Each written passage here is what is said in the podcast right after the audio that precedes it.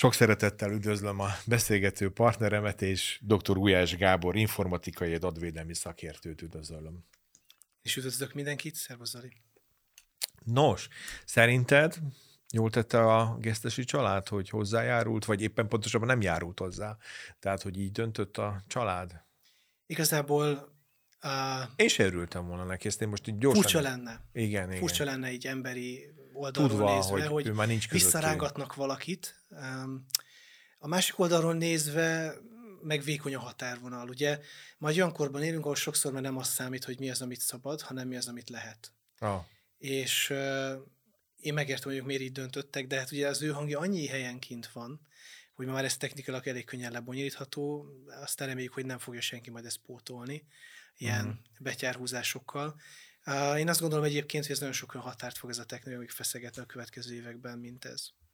De próbáljuk meg egyszer a pozitív oldaláról megközelíteni ezt a fajta modellezést, vagy nem tudom, minek lehet ezt nevezni. Milyenek nevezitek ti ezt a szakmában, amikor... Ez modellezés. Statisztikai Aha. szempontból is igazából olyan, mint hogyha visszanézve mondjuk akár 40-50 évvel ezelőtt, amikor a, az idője jósok modellezték a, a különböző ilyen meteorológiai folyamatokat. Uh-huh. Ez nagyon hasonló ilyen értelemben, matematikailag most is statisztikailag modellezzük, hiszen maga a vizuális megjelenés, a hang, hogy ezeket így akarjuk gépi tanulással újra kreálni, tulajdonképpen ezek ilyen statisztikailag leírható folyamatok, és itt tulajdonképpen pont ez történik, hogy úgy nagyjából úgy, ahogy ő csinálta, azokat így megérzi, csak pont az, ami hiányzik belőle, az, a, az ami ugye nem az a felszín, na hát azt nem tudja megragadni az emberből. Mm. Igen, itt azért a készüléskor én is pont elkaptam két olyan anyagot, amit gyakorlatilag többfajta platformon, tehát élő szónoki beszédre, rajzfilmfigurák utánzására, pontosabban nem utánzására, hanem a rajzfilmfiguráknak a saját hangomat adták oda, tehát olyan volt, mint hogy én szólaltam volna meg egy rajzfilmfigura képében, és aztán ugye énekhangról elkezdett csomó mindenre generálták, és fel lehet igen ismerni azt, hogy mikor van az, amikor a mesterséges intelligencia generálja ezt, és mikor az, amikor nem. Huha, ezt úgy látom, hogy némi szkeptikusan fogadtad, de ott a szereplők felismerték, maradjunk mm. ennyibe. Valószínűleg az ének hangnál volt könnyebb, de minden másnál nem. De, de hogy látod te azért ezt, hogy ez, ez, ez folyamatosan finomodik, folyamatosan egyre, egyre inkább professzionálisabb lesz, egyre kevésbé. Talán akkor egy másik példát mondok el, talán pont Harcsa Veronika volt, és a Dés László, ha jól tudom, hogy a fejükre tettek egy fülest, és meg kellett különböztetniük, hogy melyik zenét szerezte mesterséges intelligencia, és melyik az, amelyeket élő zeneszerző komponált. Igen. Hát ez izgalmas kísérlet, csak kicsi a tét. Amikor, Na igen, hát Mert igen, a másik igen. oldalt, ha nézzük... De ugye, beszéljünk nagyobb tétekben akkor. Hát igen, amikor... Tehát igazából azt az érdemes tudni, hogy ez a technológia már mondjuk erősebb kontroll mellett, mert ugye te is mondtad, ugye itt azért azt kell hozni, hogy egy kis felvétel rólad, és akkor már utánoz, uh-huh. de erősebb kontroll mellett, ez már évekkel ezelőtt is volt azon a szinten, mondjuk, hogy egy, egy időben nagyon beosztott, mondjuk egy, egy, egy globális vállalatnak az egyik felső vezetőjét mondjuk már meg lehetett vele testesíteni, de azok a cégek, akik ezt a szolgáltatást nyújtották, ővelük nagyon komoly uh, korlátozó szerződéseket kötöttek, hiszen ez egy kockázat a cég számára, uh-huh. hogy a vezérigazgató egy videóüzenetben valakinek mond valamit, és akkor az illető most tenni fog, vagy nem fog tenni. Ugye erről már hallottunk példákat, hogy felhívnak valakit, videóhívást tesznek, hogy akkor utaljon el egy bizonyos összeget mondjuk egy középvezető vagy egy felsővezetőnek egy közvetlen beosztottja. Én azt gondolom, hogy itt kezdődnek a problémák, és, és hát nyilván itt a társadalom minden szintjén lehet ennek problémája, de nézzük először a pozitív oldalát. Én is uh-huh. azt mhm. gondolom, hogy ennek sok haszna lehet. Egyre több olyan cég is van, aki ezt csinálja, tehát pont itt a műsorot mutattam egy felvételt saját magamról, hogy gond nélkül megy a több nyelven is az, amit el akarok mondani, mert van már ilyen szolgáltató, ami a, az én hangomon ugyanazt az üzenetet más nyelvre lefordítani nagyon rövid idő alatt. És vannak más olyan szolgáltatások, amik mondjuk akár a marketinget teszik, vagy a sales teszik. Nagyon könnyűvé azzal, hogy adnak egy avatárt, akár mondjuk egy adott személynek a, az avatarját, tehát nem egy előkészített avatárt, és akkor az ő hangjával tudjuk megszólítani úgy a vásárlókat, hogy abba személyes üzeneteket is fűzünk bele, tehát hogy akár az ő nevükön szólítjuk meg őket, testre szabott lehetőségeket kínálunk, tehát ennek mindenképpen van egy haszna, hogy politikába is például adott esetben meg lehet szólítani, például Indiában, ahol ugye nagyon sok dialektus van, meg sok nyelvet használnak, ott is ez egy hasznos dolog, hogyha mondjuk van egy politikus, azt a szétfragmentált szavazó közösséget meg tudja szólítani, hogy mindenkit a saját dialektusán szólít meg. Ez is évekkel ezelőtti történet. Tehát én azt gondolom, hogy ebben van lehetőség, de mint ahogy láttuk, hogy az összes technológiánál is így volt, hogy először csak bejött az okostelefon a zsebünkbe 2007-ben, aztán a Facebook, ami előtte csak a számítógépen volt, ott átkerült a zsebünkbe, és már mindig elkísért bennünket. Én azt gondolom, hogy itt is ez való így lesz, uh-huh. és a kérdés az, hogy hogy növünk fel ennek a használatához, mert itt jönnek be ezek a kockázatok, hogy én mondjuk egy ilyen szolgáltatást fogok erre használni, megalázzak mondjuk egy embert a munkahelyemen, a környezetemben, uh-huh. a szexuálisan zaklassak -e, most nyilván nem én egy hipotetikus valaki, de hogy zaklasson-e valaki egy, egy másik szemét mondjuk azzal, mert vannak sajnos ilyen szolgáltatások is, amik videói részletekbe illesztik be mondjuk egy Facebook profil alapján az illetőt. És ezek kiválóan alkalmasak arra sajnos, hogy valakit mondjuk akár teljesen egy közösségben megsemmisítsenek.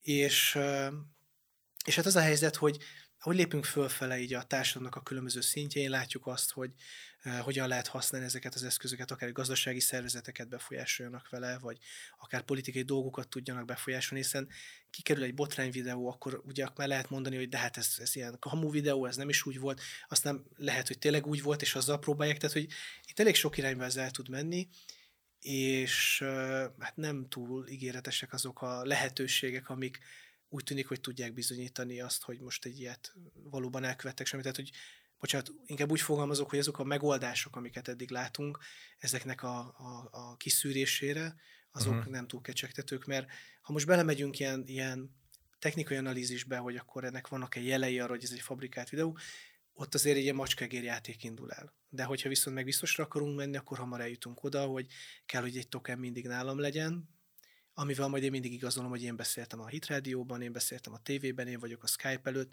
Most nyilván egy optimistább megközelítésben egy olyan token, amit egy cégvezető tud használni mondjuk digitális aláírásra, amit bedugok a gépbe, és akkor tudják, hogy én ülök a másik oldalon.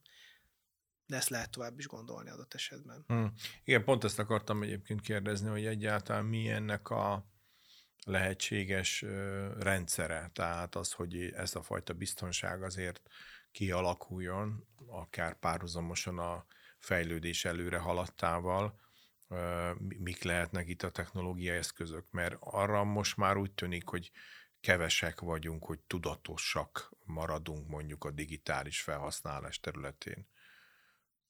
Igen, én is azt gondolom, hogy ez nagyon hamar el tud jönni, és hát főleg azt elnézve egyébként, hogy az utóbbi években milyen kulturális dolgok alakultak ki így az online térben, tehát hogy ha öt évvel ezelőtt beszélgetnénk erről, akkor az ember mondhatná azt, hogy talán ennek nem lesz olyan rettentő mély hatása, mondjuk akár csak így a közösségi médiára gondolok, de ma már ugye ott vagyunk, hogy mindenféle értelmes és értelmetlen dolog, főleg inkább az ilyen, ilyen utóbbiból, rengeteg kerül fel, és gyakorlatilag az összes nagy közösségi média beszállt az ilyen TikTok jellegű videóknak uh-huh. a versenyébe, ami most elnézést, hogy ezt mondom, de nagyon sok esetben így leegyszerűsül, egyre egyszerűbb és kevésbé hasznos dolgokat ad át a, a nézőknek, és hát egy ilyen közegben aztán még inkább jöhet a dömping, ahol bármilyen üzenetet be lehet keverni.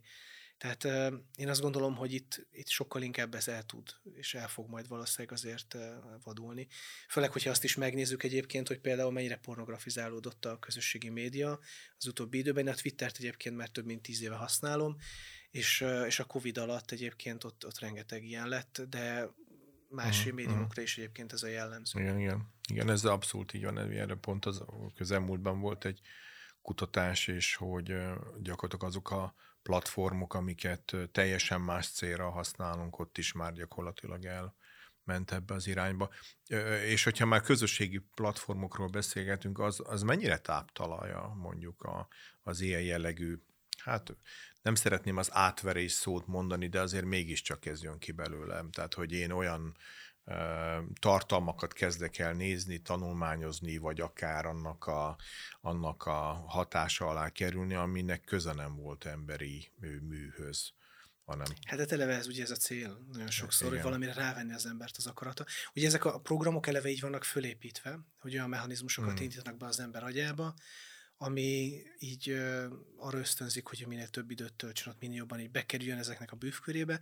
Aki használja ezeket tudja. De itt most azért egy kicsit... Hát igen, így, aki nem tudja. Aki nem tudja, akkor részre is elmondjuk, hogy itt olyan dolgokra kell gondolni, hogy van például ez a görgetés, hogy az ember megy lefelé, és a videók így vég nélkül jönnek. Ezek egy olyan egyszerűen elvre játszanak rá, hogyha az ember egyszerűen nem érzi a határokat, hogyha ezt így fogyasztja a tartalmat, és erre már nagyon rég rájöttek, mert volt ilyen kísérlet, hogy adtak két levest, az egyikbe alulról töltötték, a másiknál pedig csak volt a leves, és, és amikor töltötték, sokkal később lakott jól az ember. És ugyanerre a működési elvre játszik ez rá.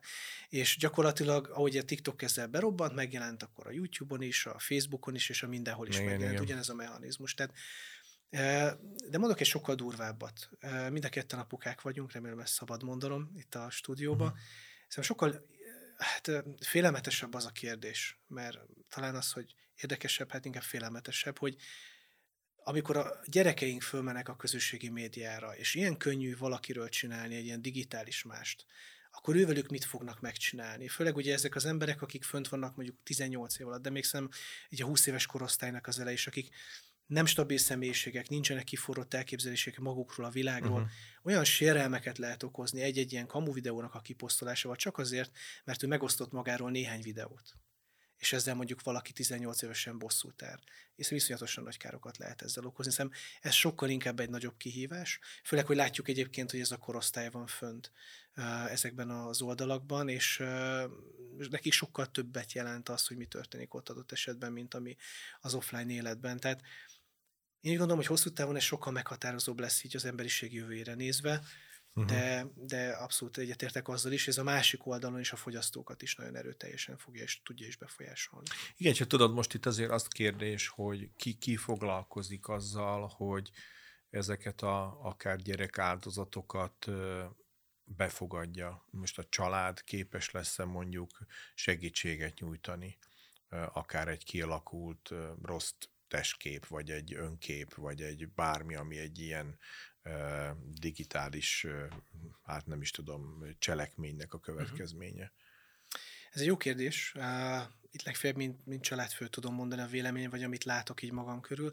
Én azt gondolom, hogy a családnak lenne az egyik fő funkciója hmm. ezt az alapot nyújtani ezeknek a gyerekeknek, de hát én nem tudom, hogy ha más szakmában dolgoznék, valószínűleg sokkal kevésbé tudnék egyáltalán támpontot adni a saját gyerekeimnek. Most ők nincsenek fönt ezekben, még túl kicsik hmm. hozzá, de, de hát eleve azt, hogy ezeket hogy használják, milyen veszélyek vannak benne. Tehát, hogy egyszerűen a szülők szem nem ismerik ezeket annyira.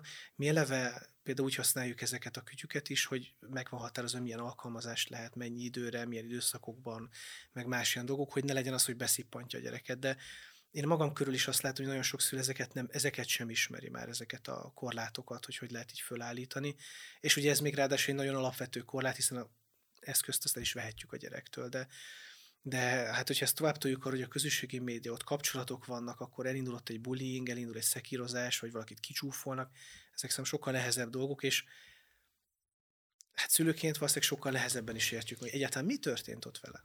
Hát igen, igen, igen, igen.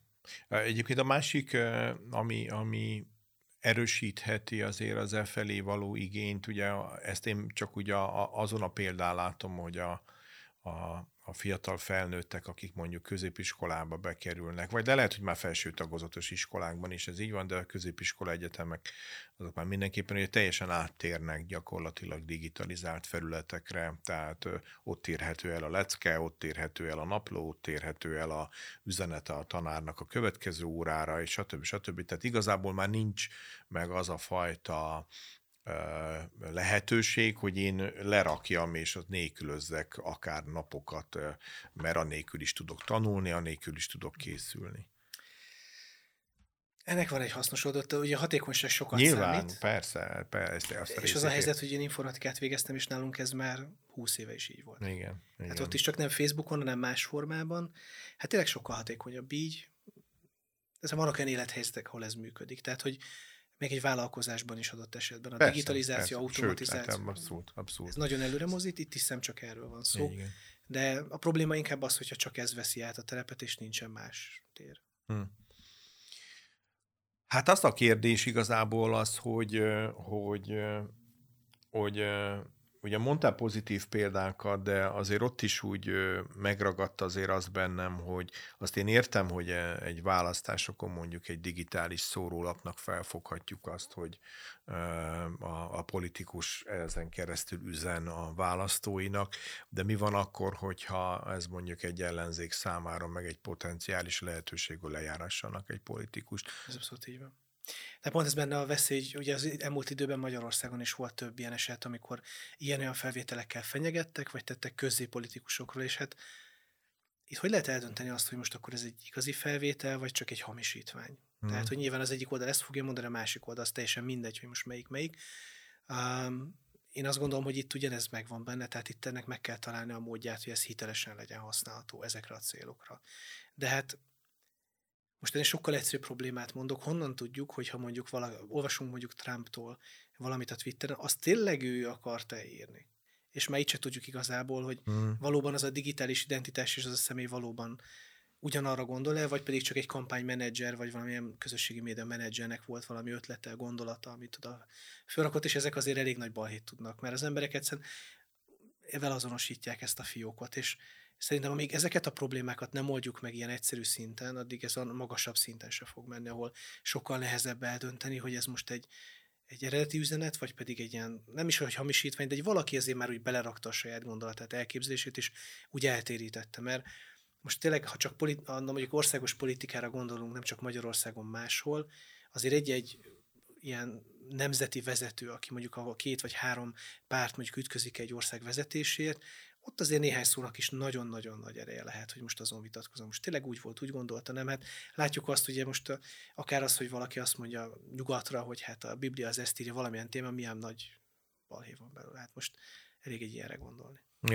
Ja, ta- ta- talán nem is tudom, hogy hol találkoztam azzal a hasonlattal a, a közelmúltban, talán Magyarországon jelent meg pont egy, egy kutatás, amit nemrég publikáltak, ami arról szólt, hogy a, a mesterséges intelligenciával dolgozó fejlesztők között kérdezték, hogy hát, hogy, hogy nem érzik -e ezt a területet akár veszélyesnek, akár társadalmi, akár egyéni szinteken, és akkor erre volt talán az a reakció, hát, hogy a svájci bicskát, bicskát is lehet használni nagyon jó célokra is, de hát akár ölni is lehet vele. Igen, de, de az, hogy ha valakit megölök, azt mondjuk a, a törvény azért bünteti. Tehát, hogy az utolérhető, az, az tetten érhető, az lenyomozható, és megkapom érte a megfelelő büntetést. Itt a szabályozás az működhet-e ilyen módon? Vagy mit tapasztaltok egyébként szakmailag a szabályozás területén? Igen, ez egy érdekes Ad-e védelmet? Igen. Érdekes kérdés. Én azt gondolom, hogy a GDPR-nak meg ezeknek azért érezhető itt a hatása, hiszen ha én egy chatbottal mondjuk beszélgetek, vagy feltöltök egy videót, akkor ott ugye azért vannak megkötések, hogy ők azt mire használhatják fel, és nekik kell tenni lépéseket, hogy ne lehessen őket feltölni. Tehát ilyen szinten lehet, de amit látunk, ahogy a mesterséges intelligencia most fejlődik, a, hiába vannak törekvések ennek a korlátozásra, egyszerűen én nem látom, bár nem ismerem nagyon milyen ezt a szabályozást, nem látom azt reálisnak, hogy uh, ezt el egyszer lépést lehetne tartani. Uh-huh. Tehát lehet, hogy bizonyos alapelveket le lehet fektetni, de ez könnyen oda is vezethet egyébként, hogy olyan korlátokat tesz az EU maga elé, ami miatt egyszerűen teljesen kiesik ebből a pixisből, és akkor nem itt fogják megvalósítani, hanem ott, mondjuk Amerikában vagy Kínában. Uh-huh. Tehát most gondolok arra, hogy Amerika is lekorlátozza, hogy egy kereskedelmi műhold felvételnek mi a felbontási korlátja, a cégek elmennek és megveszik azt a felvételt Kínában, ahol nincsenek ilyen szabályok. Tehát, Hmm. hogy itt azért van egy ilyen probléma, hogy amíg ez, ez nem globálisan szabályozott, addig ez egy nehezen kezelhető dolog, és uh, amíg mondjuk nincsen valami egyértelmű azonosításhoz kötve, addig viszont ez megint egy probléma, és pont ez a két kérdés egyébként, ami szerintem keresztény szempontból Hmm. ez egy nagyon érdekes irányba tudja vinni ezt a dolgot, és nem akarom azt mondani, hogy ez lesz, csak hogy ezeket, hogyha nem globálisan szabályozunk, illetve nem tudjuk valahogy erősen biztosítani, hogy tényleg az volt ott, mint hogy egy kulcsal egy ügyvezető aláír, és akkor az így fizikailag is hozzá van kötve, ez nehezen kezelhető. De mondok egy sokkal érdekesebbet, bár te- technológusként vagy vagyok itt, de ami szerintem nagyon érdekesebb, a, amiről most beszélünk, hogy tulajdonképpen ez a prebábeli állapotoknak a helyreállítását is hozza el egyben, ami ilyen szempontból nézve egy érdekes kérdés, hogy most ez helyes vagy nem helyes, de ami biztos, hogy, hogy ebbe az irányba tesz egy lépést az emberiség, hiszen hogyha én bárkivel bárhogy tudok kommunikálni, és majd előbb-utóbb el fog jönni, hogy valós időben, hiszen most ugye azt láttuk, hogy az elmúlt öt év az arról szólt, hogy a, a fordítást mennyire pontosan tudjuk csinálni, az ajakillesztést, mennyire tudjuk, hogy halljuk a hangot, az úgy együtt mozogjon a szájjal, mennyire tudjuk a hangot utánozni, és ezeket a részleteket, és én most én mutattam egy videót, amit a gép csinált, meg hát látunk ilyet az interneten, mm. ez elérte azt a szintet, ami már a meggyőző kategória, vagy a hihető kategória, következő az lesz, hogy ezt mennyire gyorsan tudjuk megcsinálni. Tudom-e futatni a laptopomon? Tudok úgy belépni egy meetingre, hogy én másnak tűnjek. És már voltak erre is próbálkozások, csak ez nem volt olyan, ami mondjuk egy átlagos laptopon is elfutott volna. Úgyhogy előbb-utóbb szem eljutunk erre a szintre, amikor ez az úgymond ilyen prebábeli ilyen helyreállítás, nem tudom, ezt használni a kifejezést, ez el fog jönni. A kérdés az tényleg, hogy erre milyen választ fog tudni az emberiség, hogy ezeken a szinteken, mint az egyéni társadalmi, meg egyéb ilyen szinteken ne okozzon akkor a galibát. Hmm. Lehet, hogy nem az emberiség fog erre választ adni. Lehet. Dr. Gulyás Gábor, köszönöm szépen, hogy itt voltál velünk, Gábor. Köszönöm, és a meghívást üdvözlök mindenkit.